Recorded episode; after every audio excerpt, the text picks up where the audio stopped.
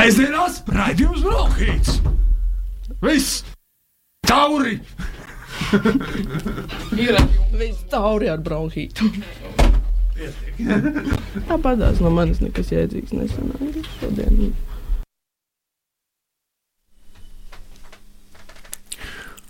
Nāves triumfs.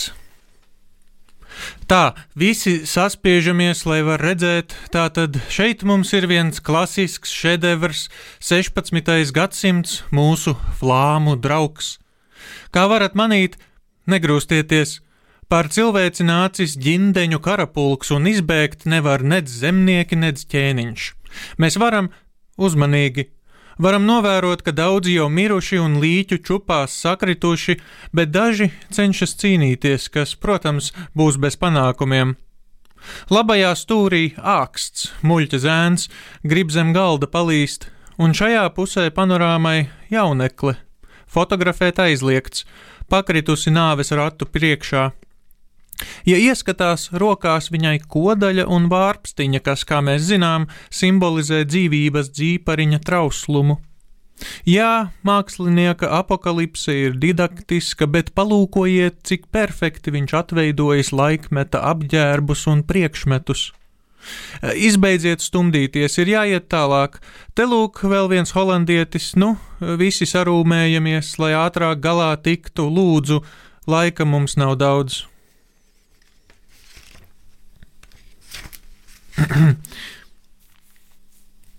Fantāzija. Kad pienāca pasaules gals, beidzot noderēja mana humanitārā izglītība. Inženieri un ekonomisti vazājās pa ielām kā zombiji, kamēr mani algoja mazie un vidējie uzņēmumi, lai es vadītu viņiem pasākumus. Atmaksājās publiskās runas kursi un daļrunāšanas konkursi, retorikas vingrinājumi spoguļa priekšā nebija veltīgi. Cik noderīga cilvēces norietam izrādījās pieredze teātra pulciņā, cik vajadzīgas debašu kluba dotās zināšanas. Mediķi un matemātiķi stājās bezdarbniekos, veikalos izpirka rīsus un makaronus, bet man lika stāties uz skatuves, lai deklamēju Hamletu. Kāds meistardarbs ir cilvēks, es teicu, cik dižens prātā, cik bezgalīgs spējās. Beidzot liku lietā logopēda ieteikumus, drūmās naktis, kurās izgudroju pats savus mēles mežģus. Slīkstot likstās drīkst līksmot, slīkstot likstās drīkst līksmot, es apļoju lūpas aizkulisēs, skaloju kaklu ar kumelīšu tēju, Viens, viens var mani dzirdēt. Labvakar, dārgie! Lūdzu, nāciet, nāciet! Priekšā vēl ir vieta! Esiet sveicināti Armagedona ballē, jūsu pēdējās vakariņās! Mana runa ir tīra un balta kā galdauts, visas parazītu vārdu nezāles izravētas, nekādi vot un tipa nepiesmērē manu tēvu valodiņu. Purpurs ārtās liesmās nodeg blokmājas, Granda zelta ugunīm cauraustās debesis. Zelta nauda krājas manā kontā.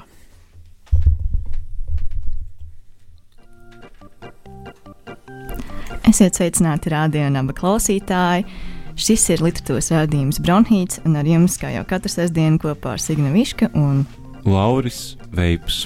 Jā, un uh, tikko jūs dzirdējāt Ivaru Steinbergu. Sveiks, Ivar! Sveicināti, labdien, liels prieks šeit būt! Mums arī milzīgs, milzīgs prieks, ka tu esi atnācis, jo pirmkārt, tu esi arī Bronhīta bijušais vadītājs. Jā, tā ir gan. Jā, un otrkārt, tev nu pat, nu pat ir iznācis pirmais dzējoļu krājums, strops, ko ir izdevis Neputns. Jā, tieši tā. Esmu ļoti priecīgs par abiem šiem notikumiem, gan to, ka ir spērts šis nozīmīgais solis manā radošās īstenošanās procesā, gan arī tas, ka esmu viesis savās mājās, būtībā savās bijušajās uh, profesionālajās mājās. Jā. Uh, sāksim ar jautājumu par krājuma nosaukumu. Kāpēc strops? Ko tas nozīmē?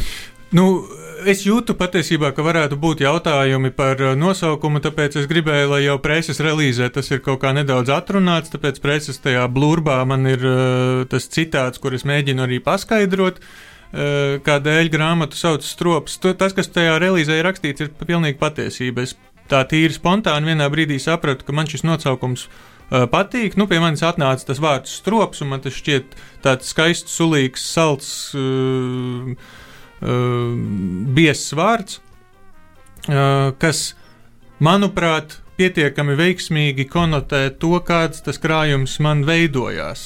Proti, tāds dažādu koku mežs, tāds dažādu balsu koris, tāds zumošs no dažādām, dažādiem skatu punktiem nākošs muģoņa, vai nu ne muģeklis, bet, bet tāds, nu tā kā stropa burzma. Eh, kura vienlaikus uh, pakļaujas kaut kādai sistēmai, jo, jo, jo stropā bites dzīvo ļoti uh, stingrā. Uh, nu, pēc stingrām lomām, un katra pieturas pie sava darba un kopā veido kaut kādu tādu organismu, kas saražo uh, šo te uh, saldo medu. Nu, un, uh, Tā kā tā daudzbalsība bija primārais, laikam, tas, ko tā, tas strops kā metāfora mēģina pateikt. Bet tad ir arī kaut kādas blakus mm, blaknes tam vārdam, kas man šķiet pievilcīgas. Nu, kaut vai tas, ka mēs varam dzējoļus salīdzināt ar bitēm, kas nes saldu ražu, ar bitēm, kas var iedzelt, kad, kad ar viņām nepareizi apietas. Ar šūniņām varbūt arī. Arī ar šūniņām, piemēram. Nu, un, uh, Man pašam ir tīri emocionāli piesaistīta tam vārdam, jo tas strops kā, kā lieta man atgādina bērnību un manus laukus, kas man ir ļoti mīļi. Jo manam vectēvam ir druva, kur, kur uh, uh, nu, no kuras vienmēr nāca medus, bet kur nedrīkstēja iet. To jau es esmu kaut kur citur stāstījis. Uh, Uh, bet nu, jā, tur ir šī emocionālā saikne arī. Kaut kā tā, jā. Uh, par, uh, par daudzbalsību runājot, daudz, daudzas no tām balsīm ir uh, patiesībā iedvesmotas no citiem, citiem auto, autoriem. Tu, tev ir vairāk dzīvoļi, kas ir rakstīti kā citu autoru motīvi, tad Arvis Viguls būtu Ron, Ronalds Priedis, ja? Jā, Ronalds. Es vienmēr jaucu ar Rolandu. Uh, bet, uh, dziesma par Ronaldu Briedi. Dziesma par Sansonde. Ronalds. uh, bet, uh, bet tas vispār iezīmē uh, tavas attiecības ar uh, tradīciju. Uh, uh, kuras ir ļoti ciešas. Uh, Pastāstiet, lūdzu, kā tu redzi pats uh, savu rokrakstu veidošanos, nu, ņemot vērā, ka tu esi ļoti, ļoti dziļi iejaukts tās tradīcijā un tu atsaucies uz tradīciju. Mans jautājums ir, vai uh, tavas attiecības ar uh, tradīciju ir afirmatīvas? Uh, vai, vai arī tev ir bail pazust uh, tradīcijā, vai tev nav bail pazust tradīcijā, vai arī tu gribi pazust tradīcijā? Paldies, tas ir eh, ļoti foršs jautājums.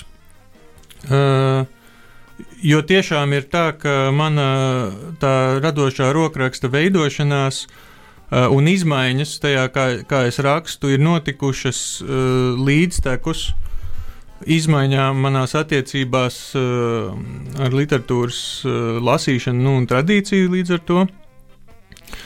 Um, Pirmkārt, es varu pateikt to, ka es piekrītu tam uzskatam, ka mūsu veido tas, ko mēs lasām, un tas, ko mēs esam lasījuši. Es, piemēram, noteikti nebūtu tāds, kāds esmu, un nerakstītu tā, kā es rakstu, ja es eh, kaut kādos 13 gados nebūtu sācis fanot par Ojāru Vācieti, eh, vēlāk par Juri Kunnas un Edvīnu Raupu.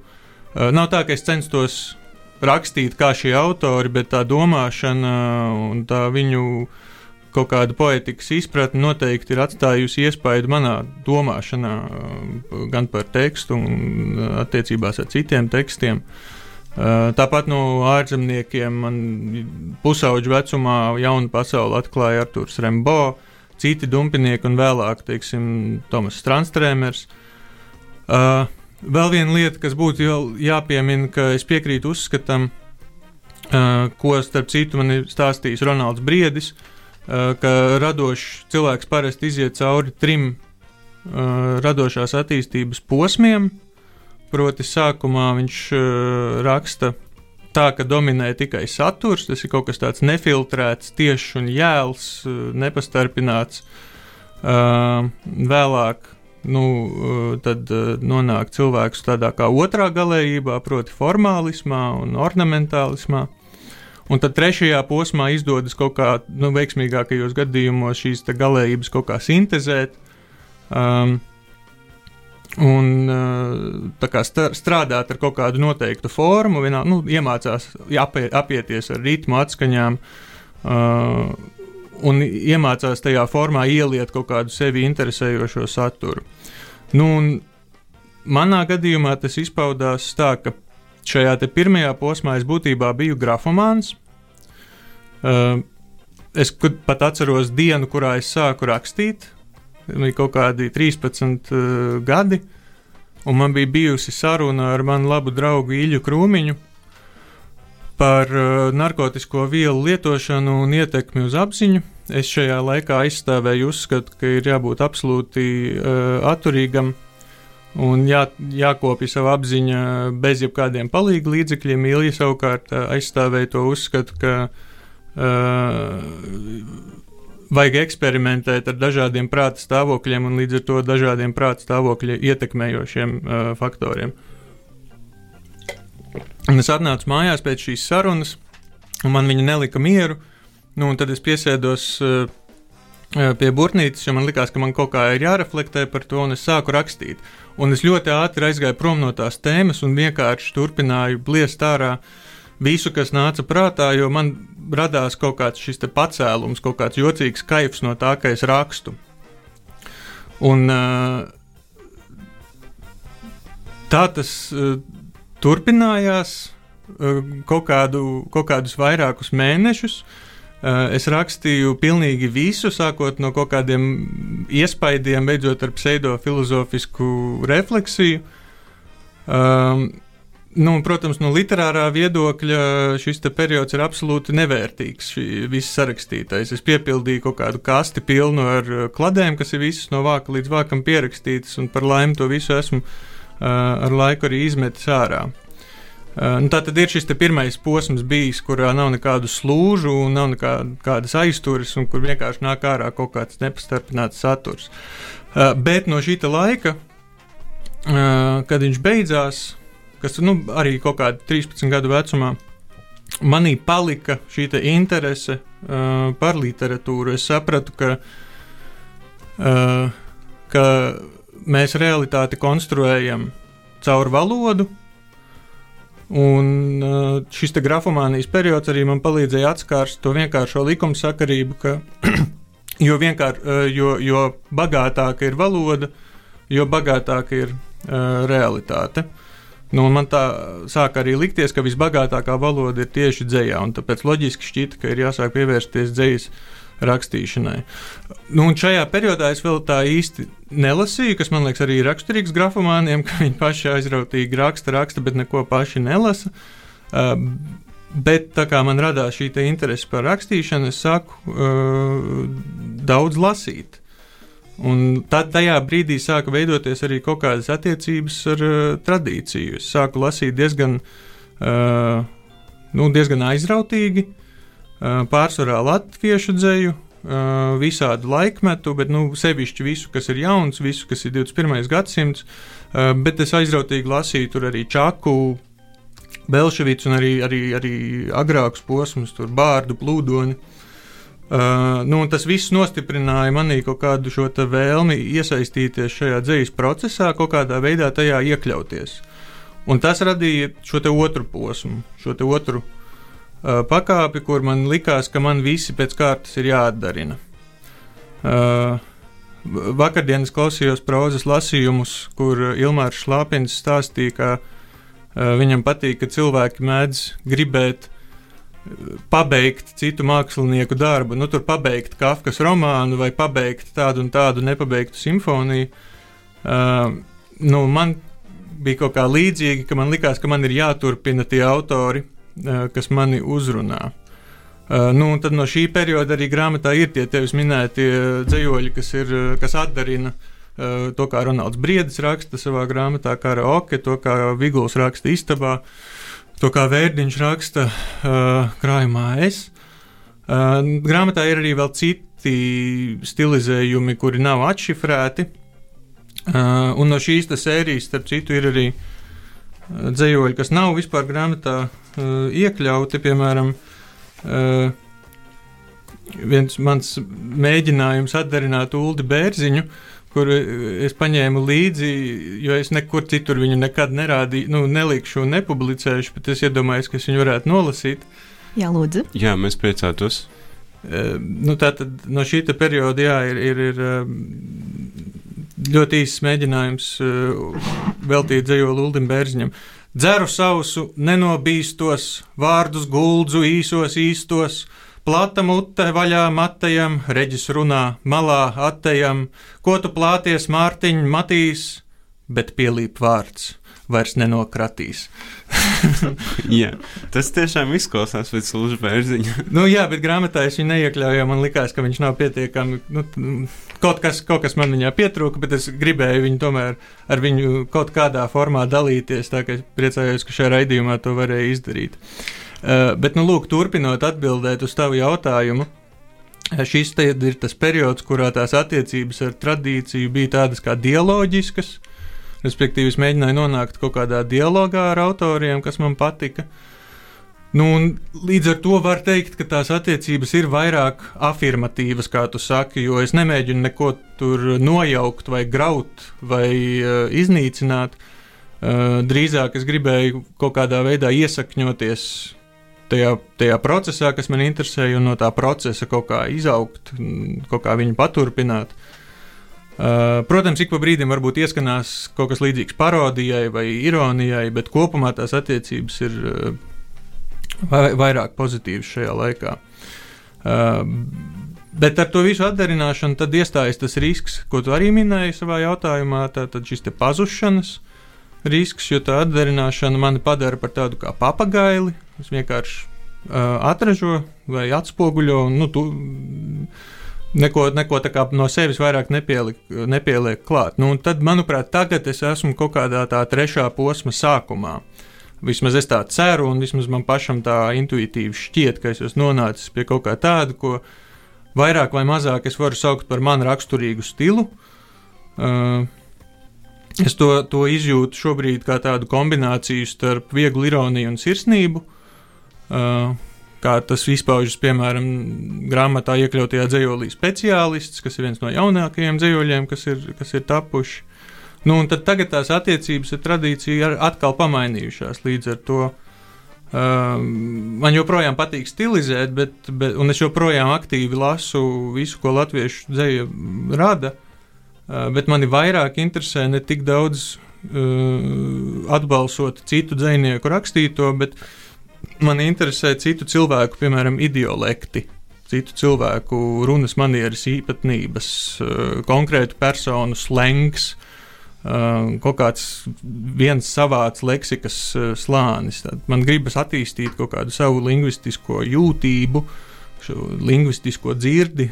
Es gribu rakstīt tā, ka dzējolis paņem kaut kādu valodas stūrīti un no tā izspiež sulu respektīvi mēģina piešķirt tam, tam, tam stūrītam kaut kādu lielāku dziļumu. Uh, bet nu, grāmatā iekļauta dzējoļi no, no, no šī otrā posma diezgan daudz, bet ir daži arī no tā jaunākā posma. Uh, Bet es domāju, ka nākamās manas grāmatas stilistiski, jebkurā gadījumā, būs vien, nu, vienotākas. Uh,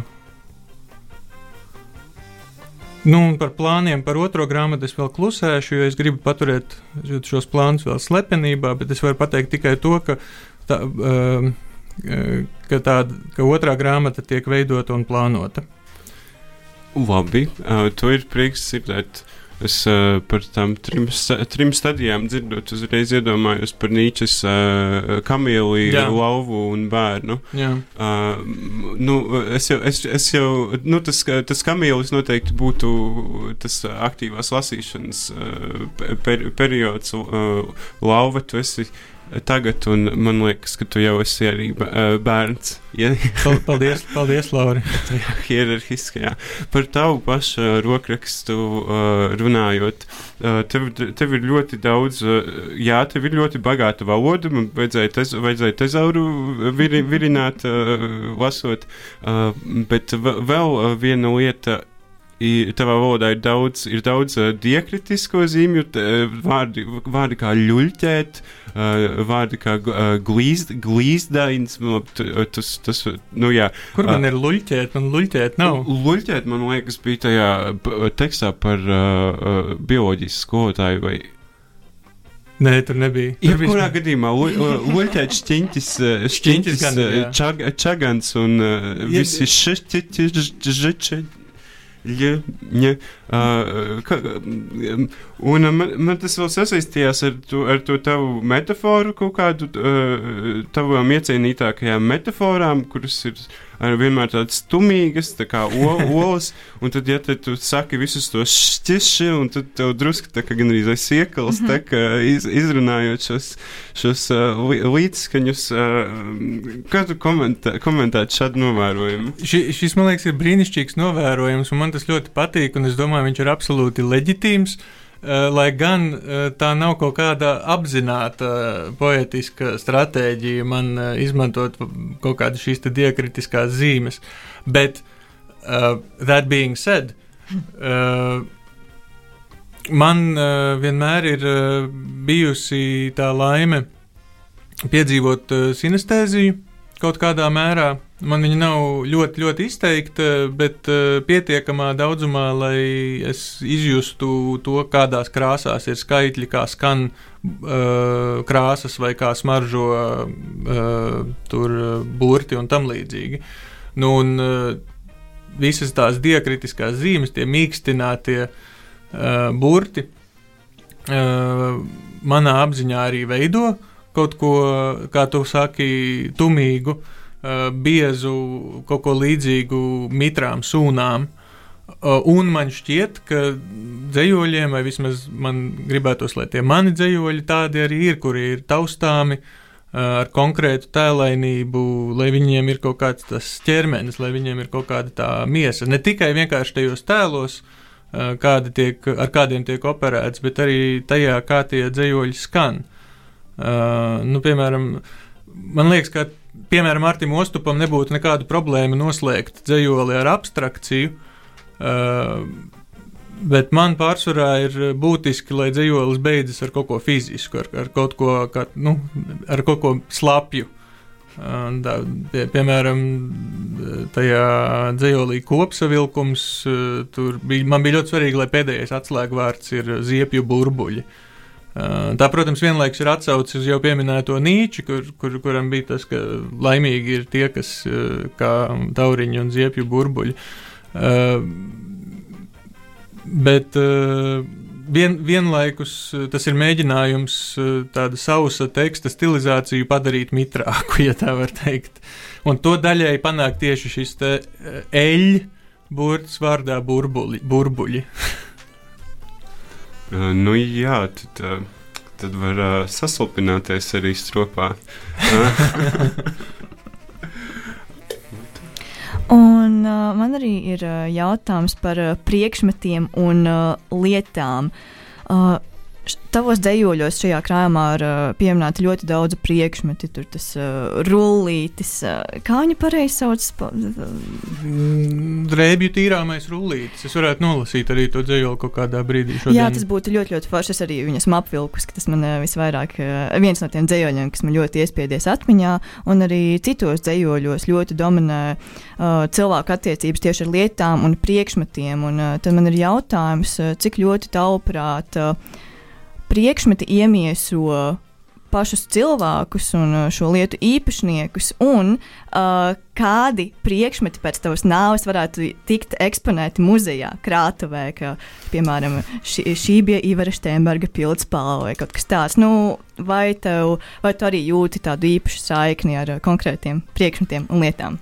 Paldies par jautājumu. Tas ir eh, sarežģīts jautājums, un es baidos, ka es nevarēšu atbildēt uz to pirmo daļu par to, cik lielā mērā priekšmeti uh, iemieso vai atbalsto kaut kādus savus īpašniekus, bet uh, tīri no tā poētikas uh, viedokļa runājot par to, nu, kādēļ tie priekšmeti tur parādās. Tā ir uh, vairāk vai mazāk tāda apzināta izvēle, kas izriet no ļoti vienkārša apsvēruma. Proti, ka man ļoti patīk konkrēta tēlēnība, kas nu, saistās ar to, ko mēs ar Lauru nu pat arī runājām. Es, uh, Uzskatu, ka dzējoļi, nu labi, nu, tas tāds pēkais vispārinājums, ir jau lieliski dzēja, kas ir arī abstrakti un tam līdzīgi, bet uh, man vistuvākā ir tā dzēja, kas uh, pamanās caur uh, taustāmām, taustāmiem tēliem, uh, runāt par kaut ko dziļāku un pacelt šo, šīs, šos ikdienas uh, objektus, vienalga par ko būtu runa, uh, augstākā abstrakcijas līmenī. Uh, nu, un tad tie veiksmīgākie piemēri ir tādi, ka tev ir kaut kāds ikdienišķs vai nu priekšmets, vai objekts, vai, nu, vai kaut kāda ikdienišķa uh, lieta, lai kas tā arī būtu. Un tad ar laiku dzējolī tīri dramaturģiski viņi kļūst par uh, vairs ne šo te, tikai šo te priekšmetu, bet par kaut ko vairāk. Um, tas būtu kaut kas tāds, nu, ko es mēģinu darīt, ko, ko man patīk pašam lasīt un redzēt citos uh, uh, autoros. Man liekas, tas pats Transtrēmers ir, ir, ir lielisks piemērs, kur, kuram izdodas ar šiem konkrētiem tēliem radīt pat, pateikt kaut ko, kaut ko tīri filoz, filozofiski dziļu. Uh, savukārt par manis pašu atstātajiem objektiem. Um, nu, tur būtu jāpaiet cauri maniem, uh, maniem priekšmetiem, kas man ir mājās. Uh, mīļš man ir mans rakstām galds. Uh, man ir liels, balts rakstām galds, uz kura stāv, var, var stāvēt daudz dažādu priekšmetu. Uh, man mājās tiešām arī ir uh, galvaskauss, kuru sauc Žaks, kuru es esmu dabūjis no savas. es arī gribēju jautāt par galvaskausu. Nu, jā, jā, jā man, ta, tas ir absolūti patiesa stāsts. Nu, ar dažām niansēm, kas tur ir pamainītas, bet tāds uh, cilvēka galvaskauss man mājās ir. Viņi tiešām sauc Žaks. Un es ik pa brīdim uz viņu paskatos, un kad neviens no mājās parunājos ar viņu. Bet uh, es pieņemu, ka, ja tiešām kaut kādas uh, muzeja uh, cilvēki interesētu kaut kādi mani priekšmeti, es domāju, ka tā pirmā lieta, pie kā viņi vērstos, būtu manas bērnības kolekcijas. Jo es bērnībā ļoti aktīvi kolekcionēju uh, visu kaut ko. Tas izklausās pēc sevis. Jā, jā man, man bija akmeņu kolekcija, minerāli un fosīlijas, uh, man bija tauriņu kolekcija. Uh, bija gliemežvāku kolekcija, sprunguļu kolekcija, un tas viss auga un auga līdz kaut kādam ļoti agram pusauģu vecumam, kad tas vairs nebija aktuāli. Bet daļa no šīm kolekcijām man joprojām ir saglabātas un glabājas uh, kastēs plauktā. Tā ka viņas joprojām ir un, un, un nu, gaida savu kārtu tikt eksponētām. Paldies par šo burvīgo un izsmeļošo atbildi. Un es domāju, dosimies pirmajā muzikālajā pauzē, un pēc tam arī dzirdēsim vairāk tavu dzējoļu, un arī turpināsim sarunu par stropu. Sēžamās raidījums Brokhīts! Viss! Tauri! Ir viss tauri ar bronhītu. Tāpat no manis nekas jēdzīgs nesanāca šodien.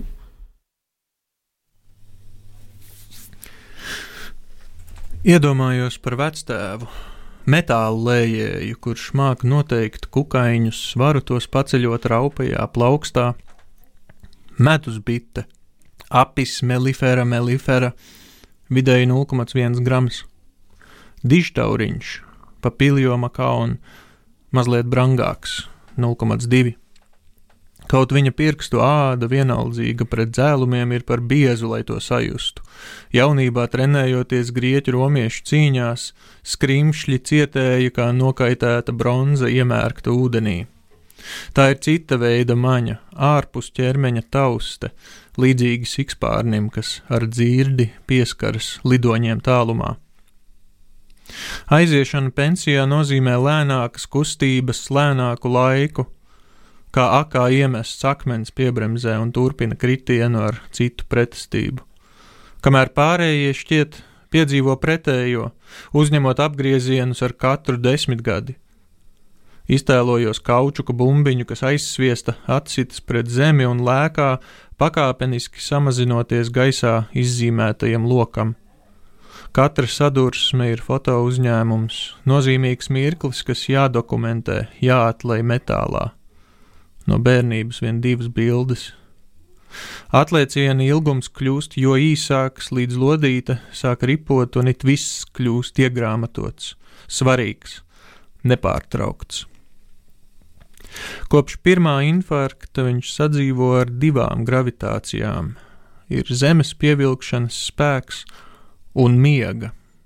Nomoda pludiņš viegli šūpojas, vismaz reizi dienā to parauj uz leju kāda ķepīga, zvīņaina vīzija, tad pamošanās, it kā tevī būtu izlijusi krūze, piecelies sēdus cisās, gastrīts skrāpējis pakrūtē, apziņa vandās, kā tramīgs ots ieķēries zirnekļa tīkla bārkstīs. Kaut miegs būtu kā terpentīns, kas nomazgā nogurušo prātu, viņš saka, bet tā vietā sapņi ir niknākās nezāles, kas salaiž stiepļainas saknes katrā pagalma bērzā, katrā ēdam galda spraugā, tur, kur parasti iemājo atmiņas. Naktī viņš raksta memoārus. Zīmulis saskaras ar savu ēnu un velk ar to kopīgu līniju zīmulis dilst gramu pēc grama, ēnu kļūst tikai vairāk. Karstos rītos, kad saule kā ūdensrozes lapa ielipusi debesīs, ejot uz mazmājiņu, viņš apstājas piemājas pļavā, kur sienāžu histēriskā rakstām mašīna sirsina nebeidzamu teikumu. Dīķī līda, kas aceļ mirklīgus šļakatu ziedus, dārzā dobes puto pāri malām Viņš ieiet siltumnīcā kā balgana vaļa rīklē un noplūc tomātu, salkanu un siltu sirdi. Vēlāk pamalē ganās zirgi, augstāk spietū, spieto piezīdušies knišļi, nektāra, ūdens un asiņu miglājas. Ābeļzarā pēdējais auglis, tukšas šūpoles. Uz stumbra sūnas plānā kārtiņā veido mīkstas kartes, kas vēsta par slepenām teritorijām. Vectēvs atgūlies šūpuļtīkla plaukstā, aizvējš ēna, caur ādu spiežas smagas piles no bronzas, sveķiem un medus. Un esam atpakaļ rādījumā, studijā, literatūras rādījumā Bronhīts, un turpinām sarunu ar Ivaru Steinbergu. Ivars tikko nolasīja vienu no maniem mīļākajiem dzējoļiem, kas ir uh, iekļauti šajā viņa dzējoļu krājumā strops. Paldies, Ivar! Paldies, tev, Signa! Jā, un pēc šī dzējoļa patiesībā gribas pak, tā kā nelielu klusumu gandrīz vai ievērot, un arī grāmatā ir ievērots klusums pēc šī dzējoļa, respektīvi uh, tukša lapuse.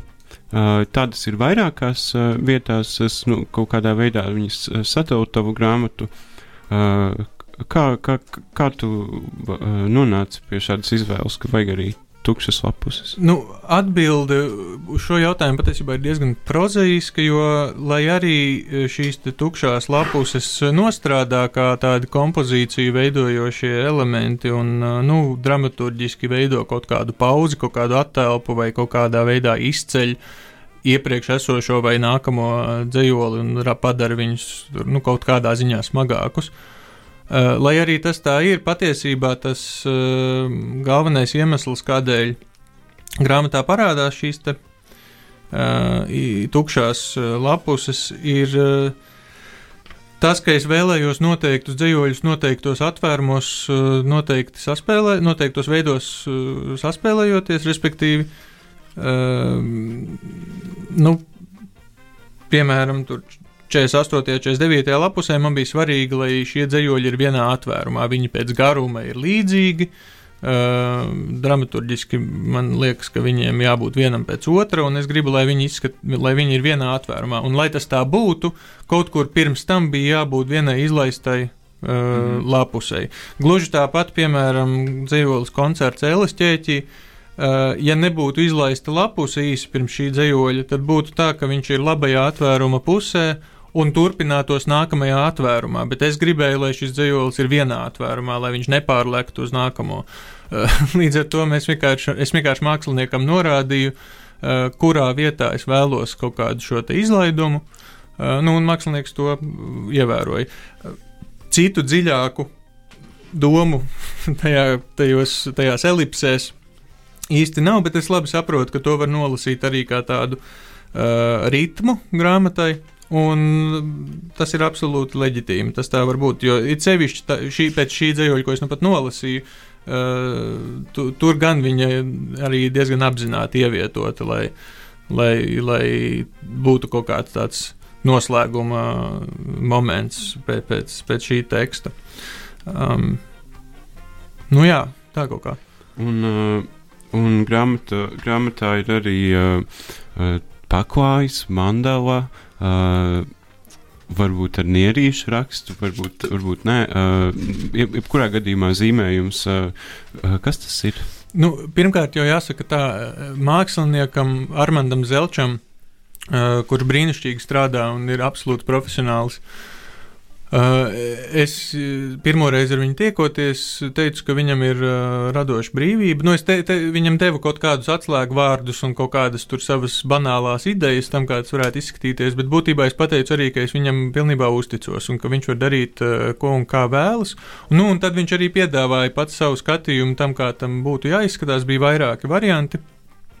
Un viens no variantiem, kas man arī pašam ļoti patika, bet kuru beigās mēs nerealizējām, uh, bija tāds, ka mēs ar dizainu varētu mazliet izcelt rotaļīgumu, uh, nenopietnību un nu, kaut kādu tādu vieglumu piešķirt grāmatai. Jo šobrīd tā grāmata man ļoti patīk, kāda viņa izskatās un kā viņa, tu, kāda viņa ir rokā un tam līdzīgi. Bet viņa ir diezgan nopietna. Viņa ir tāda, tāda nu, mazliet elitāra. Man pret to it kā nav daudz nekādu baigo iebildumu. Bet viens no tiem pirmajiem variantiem bija, ka viņi varētu būt mazliet uh, vair, mazliet vairāk likt uzsveru uz to kaut kādu ironiju un kaut kādu jokošanos. Uh, un to jokošanos mēs gribējām vismaz mazliet saglabāt. Un tad radās ideja Armandam, ka vajag grāmatā iekļaut uh, šo te nierīšu rakstu, jo ir viens dzējolis, kurā nierīšu raksts ir pieminēts. Uh, šajā dzējolī uh, tas ir tāds pieaugšanas dzējolis. Uh, nierīšu raksts uh, kurā ir, nu, respektīvi, krekls ar nierīšu rakstu, simbolizē šo jaunību, kas ir noslēgusies, bet bijusi skaista. Un, nu, vairāk šie dzīvoļi grāmatā arī ir rakstīti tādā vētrainā jaunībā, un nierīšu raksts man tiešām asociējas ar uh, ar, ar, ar 11 gadiem, agrajiem 20, nu, kaut kādu tādu vecuma lietu, kad man tiešām arī bija nierīšu raksta krekli. Uh, man joprojām viens ir briesmīgi nonēsāts, bet tas nav mans, tas nav mans jaunības nierīšu raksta krekls. Bet, ja man kaut kādā formātā būs grāmatas atklāšana, es noteikti vilkšu to kreklu. Uh, bet jā, tad, tā, tā, tas, tas gala uh, variants grāmatas noformējumam bija tāds, ka, lai būtu kaut kāds šis te kaut nedaudz nenopietnais moments un kaut kāda atsauce uz to dzējoli, tad mēs iekļausim nierīšu rakstu pašā grāmatā. Uh, mēs to saucam par lakatiņu, bet tā tikpat labi var būt arī mandala vai paklājs. Uh, bet nu, tas būtiskais ir tas pats raksts, tas nierīšu raksts, kas uh, kaut kā saspēlējas ar dzējoļiem. Jā. Nu, tad paklausīsimies vēl kādu no taviem dzējoļiem, tuvojoties rādījuma izskaņai. Jā, es labprāt nolasītu divus dzējoļus. Um, ja reiz mēs runājam par uh, uh, jaunību un, un, un, un uh, rokrakstu attīstību, es varētu nolasīt tādus tiešām viens no vecākajiem dzējoļiem grāmatā, kas rada priekšstatu par to, kā es rakstīju kaut kur ap 2011. un 2012. gadu divi dzējoļi. Pirmais bez nosaukuma. Man sūta dokumentus, tie krājas uz galda kā rudenīgu lapu čupas, vēstīdami par vecumu, parādiem un aizmirstu pieķeršanos. Gribēju durvīm priekšā piestumt grāmatu plauktu, bet tad durvju kļūtu tikai vairāk. Tur būtu durvis, kas agrāk vai vēlāk aizvestu vienu pie otras, kā kopā augušas koku saknes. Man sūta dokumentus, tie noveco atvilktnēs skapjos un uz grīdas, pārtapdami sējumos, pergamentā, gravīrās, mālas, tienīšos, vaska diskos, kamēr es rakstu datumus uz datora ekrāna melnās kapu plāksnes. Neko citu nevar iesākt, man nelūdz parakstīties par saņemšanu, man zoļu nospiedumi dzīvoklī ir zīmogi, kas sniedz atļauju sūtīt. Man sūta dokumentus, tie nāk katru dienu, arī miegā. Es sāku tos ignorēt, bet ilgi vairs tā nevarēs. Guļu uz zemes pie klavierēm, viena roka uz taustiņiem, cenšos turēties pie notīm, kā pie garām braucoša kuģa borta. Pagaidiet, ko jūs no manis gribat? Redzu, kāds pienes man saules gaismas atspīdumu krūzē ar tēju. Varbūt vēl viens sūtījums, varbūt mana medaļa par izturību un piedalīšanos. Protams, atskatoties uz šo dzējoli, kas ir rakstīts tādās vētrainās jūtīs, viņš man liekas briesmīgi dramatisks, bet tādam viņam ir arī jābūt. Pēdējais dzējolis, ko šajā raidījumā nolasīšu, ir jau par mūsu aprunāto priekšmetu drēbi tīrāmo rullīti arī bez nosaukuma. mans drēbju tīrāmais rullīti, mans pēdējais džentlmeņa instruments. Bez pelēkās plastmasas ķemmes tu esi vienīgais, kas uzkrāja tik daudz informācijas, tik daudz taustāmas vēstures. Piemēram, suņa spalvas no reizes, kad gulēju pie viņas uz grīdas, virtuvē zem galda, ļaudams vecajam mopsim priecāties par manis atnesto nogurumu skaidrs no darbnīcas, vēl pēc sviedriem un metāla smaržojošas, vai zeme, melnzemes smiltis un māli no vīkendiem, kad atdarināju tevi, krītot no riteņa un laižoties lejā pa zālaino nogāzi kaut kur pārdaugavā. Mans drēbju tīrāmais rullīti, Mans neglītais ieroci, nesmu nemaz es tik netīrs, kā tu man stāsti. Visi tie mēsli, pelni, ēdiena paliekas putekļi, tie nesmu es, tu esi melīgs spogulis. Tikai reizēm var likties, tu atceries vairāk nekā es pats. Atšķirība vien tāda, ka es nespēju noplēst baltu un lipīgu loksni nost no savas atmiņas. Tas var būt vienīgais, par ko tevi apskaužu. Jā, aplausi studijā. Darbie klausītāji, tas bija Ivars Steinbergs un zejoļi no viņa debijas krājuma strops, ko ir izdevis apgādes izdevniecība Neputns. Un jā, mēs diemžēl esam pietuvojušies jau raidījuma izskaņai, un ļoti ātri paskrēja laiks ar tevi runājot, Ivar. Uh, tiešām ļoti patīkami un forši, ka tu atnāci, palasīji, pastāstīji. Un... Paldies, tev, Signa, un paldies, tev, Laura. Es ļoti priecājos, eh, ka man bija iespēja atnākt pie jums, parunāt un palasīt. Jā, patiesībā daudz kas vēl palika, daudz jautājumu vēl palika. Jā, tā kā vesela lapa ir sarakstīta vēl. Jā, piemēram, tas, ka tev teksts ir ļoti labi izrediģēti, eh, es skatījos uz publikācijām, salīdzināju, tā kā pie grāmatas ir strādāts, grāmata mm. ir ļoti laba, pērciet, atbalstiet, mīliet. Jā, liels paldies Artim Ostamam. Mēs neparunājām par to redakcijas procesu, bet uh, tas bija uh, ļoti patīkams. Uh, Artis arī ir absolūts profesionāls. Jā, Artis vispār ļoti produktīvs šogad. Katrai pudelī, katrai pudelī korķis. jā, jā, jā.